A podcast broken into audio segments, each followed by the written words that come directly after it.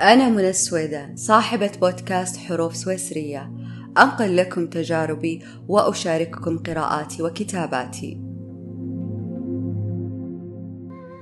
لجسمك عطر خطير النوايا يقيم بكل الزوايا ويلعب كالطفل تحت زجاج المرايا. يعربش فوق الرفوف يجلس فوق البراويز يفتح باب الجوارير ليلا ويدخل تحت الثياب. لجسمك عطر به تتجمع كل الأنوثة وكل النساء يدوخني ويزرعني كوكبا في السماء ويأخذني من فراشي إلى أي أرض يشاء وفي أي وقت يشاء. عندما تختلف اللغات وتصمت الحروف عن الكلام هناك من يحاكينا معهم ويخبرنا من هم ملابسهم ورائحة عطورهم ولوحاتهم الفنية تصويرهم الاحترافي جميعها تخبرنا جزء بسيط عنهم. فلسفة نتجاهلها والبعض يكون تابع بذائقته لأشخاص ولا نعلم بأنها تقدمنا للعالم. ما علاقة الفلسفة بالروائح والعطور؟ وهل لها علاقة بالفن؟ هي أحد الفنون الجميلة. في زمن استخدم عدد قليل من الفنانين روائح العطور كجزء من أعمالهم الفنية. هو فن شمي. كما في نيويورك كان يوجد متحف بارز يعامل العطر كفن راقي في عام 1889 إلى 2012 في متحف نيويورك للفنون والتصميم. هناك قصص حب وعشق مع العطور والدليل وجود مدونات لعشاق العطور يدونون عنها ويتناقشون حول كل عطر فهي كفن مثل الرسم والموسيقى. هناك دراسة أثبتت علاقة مثيرة للاهتمام بين اختيارك للعطور وشخصيتك. الدكتور هيرش مؤسس مؤسسة أبحاث ومعالجة الرائحة والتذوق قام بدراسة لكشف العلاقة بين العطور والشخصيات. توصل إلى نتائج من أهمها. عشاق روائح الحمضيات. شخصيات تتولى المسؤولية في المواقف الجماعية. قوي الطموح قائدون بالفطرة. عشاق روائح الورد. شخصيات حساسة يميلون إلى تقييم جميع الخيارات قبل اتخاذ القرار. حذرين ومراعين بشكل طبيعي. شخصية تفكر قبل أي تصرف. عشاق اللافندر. شخصيات يصنعون صداقات رائعة. لديهم شبكة ضخمة من الأصدقاء. عشاق الفانيليا شخصيات يتمتعون بالحيوية والحياة يعشقون الصخب والرقص والتعرف على أشخاص جدد. أجواءهم دائما مثيرة. عشاق الخشب والصندل. شخصيات منجذبة نحو الكمال دائما ما تنتقد ذاتها. عشاق روائح الفواكه. شخصيات مزاجية سريع الانفعال والغرابة والتشاؤم يميلون إلى مشاهدة النصف الفارغ من الكأس. أصحاب فكاهة ساخرة كما هم لجوجين. عشاق روائح جوز الهند شخصيات أنيقة وعصرية. طاهرون يعشقون ارتداء مجوهرات باهظة الثمن. قادة يمكنك الوثوق بهم. يتولون المسؤولية لديهم خزنة مليئة بالأحجار الكريمة. عشاق روائح القطن شخصيات تعشق التحديات العقلية واثقين من أنفسهم لديهم أهداف شخصية صعبة عشاق روائح الجاردينيا كالصخرة أشخاص ثابتون يمكنك الاعتماد عليهم وعلاقتك معهم تكون طويلة الأجل ماذا عن فلسفة الملابس؟ ماذا تخبرنا عنهم؟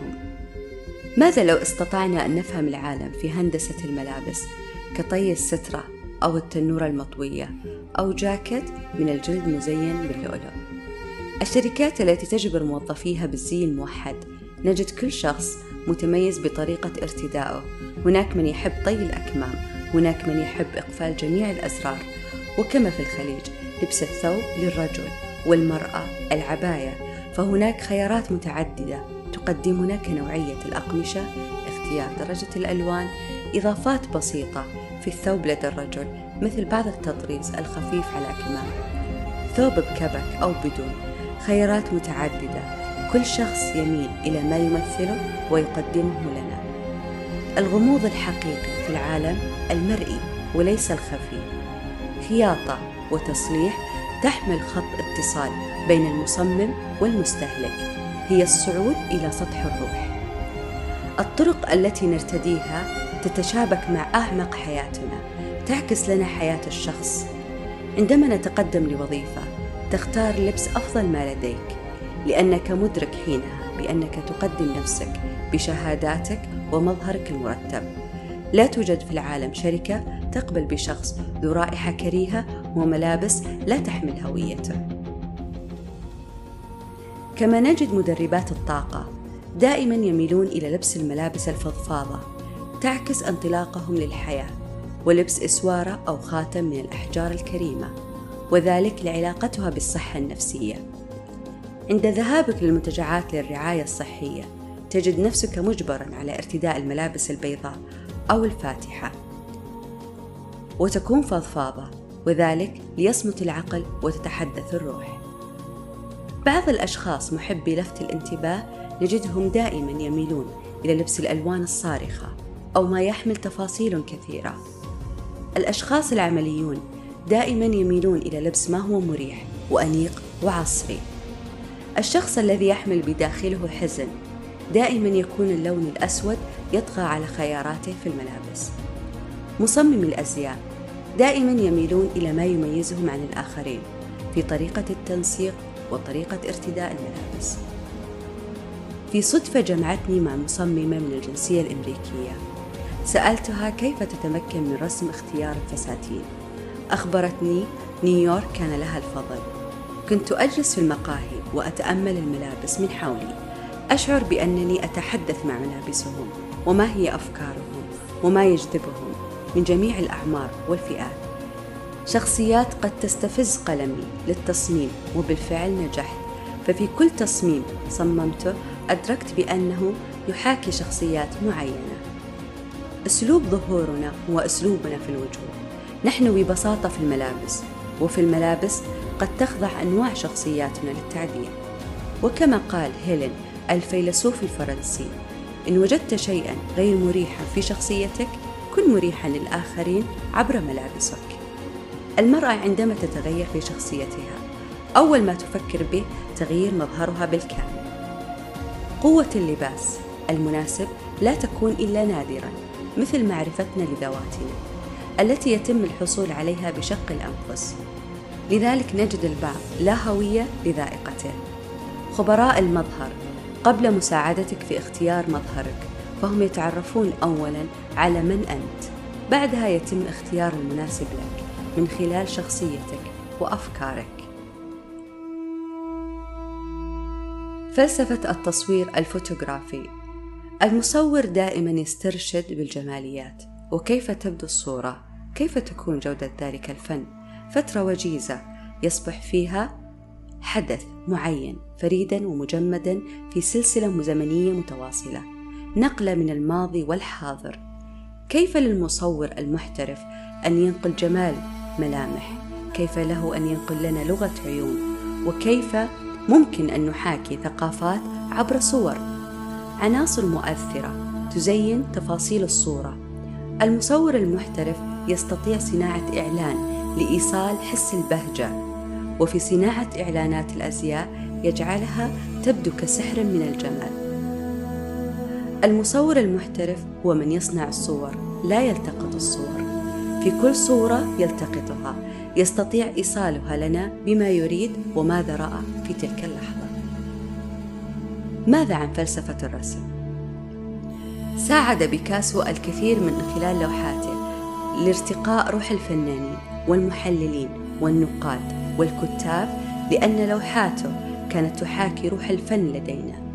لوحة الموناليزا التي أثارت دهشة العالم دارت حولها العديد من الدراسات الأكاديمية. ذلك لاستخدام الفنان أسلوبا فريدا من نوعه حيث صور الموناليزا من الأمام والجنب معا مما أعطى اللوحة طابعا ثلاثي الأبعاد. العطور الملابس والتصوير الاحترافي الرسم الإبداعي فلسفة شخصية وانعكاسات عميقة لعلاقتنا بالحياة تسهل عملية التواصل مع الذات والعالم. نحن كشعوب نعيش ثقافات مختلفة من مجموعات صغيرة إلى مجتمعات بأكملها. تدمج الحياة مع الفن. ليضع الفنان جميع عواطفه بفنه أيا كان. تلامس ذائقتنا وأحيانا قد تشم عطر أو ترى ملابس وبدون وعي تقول هذا أنا. لا يمكننا التحكم بهوية والدينا ولكن يمكننا إنشاء أفكار وفلسفة شخصية وثقافة نخلقها لأنفسنا. نصنع شعار الحياة الخاص بنا. اضبط نغمة ثقافتك. كن الشخص الذي تريد أن يعرفك الناس به. لا تكن ذلك الشخص الذي يلبس ما يعجب الناس. ورائحته كعطر مستهلك ليكون كالجميع ما هي ذائقتك أنت؟ أن تكون لديك كاميرا لا يعني أنك مصورا حقا. المصور فنان في إيصال تعابير وملامح ورسالة وثقافة مدن. أن تكون رساما لا يعني أنك رساما حقا. الرسام ينقل لنا عبر لوحاته روحه وعواطفه التي انصبت في تلك اللوحة. مهما كانت اللوحة الفنية جميلة ولكن تفتقد روح الفنان تصبح باهتة خالية المعاني. ليس كل من امتلك آلة موسيقية عازف فالعازف الحقيقي يلامس مشاعرنا.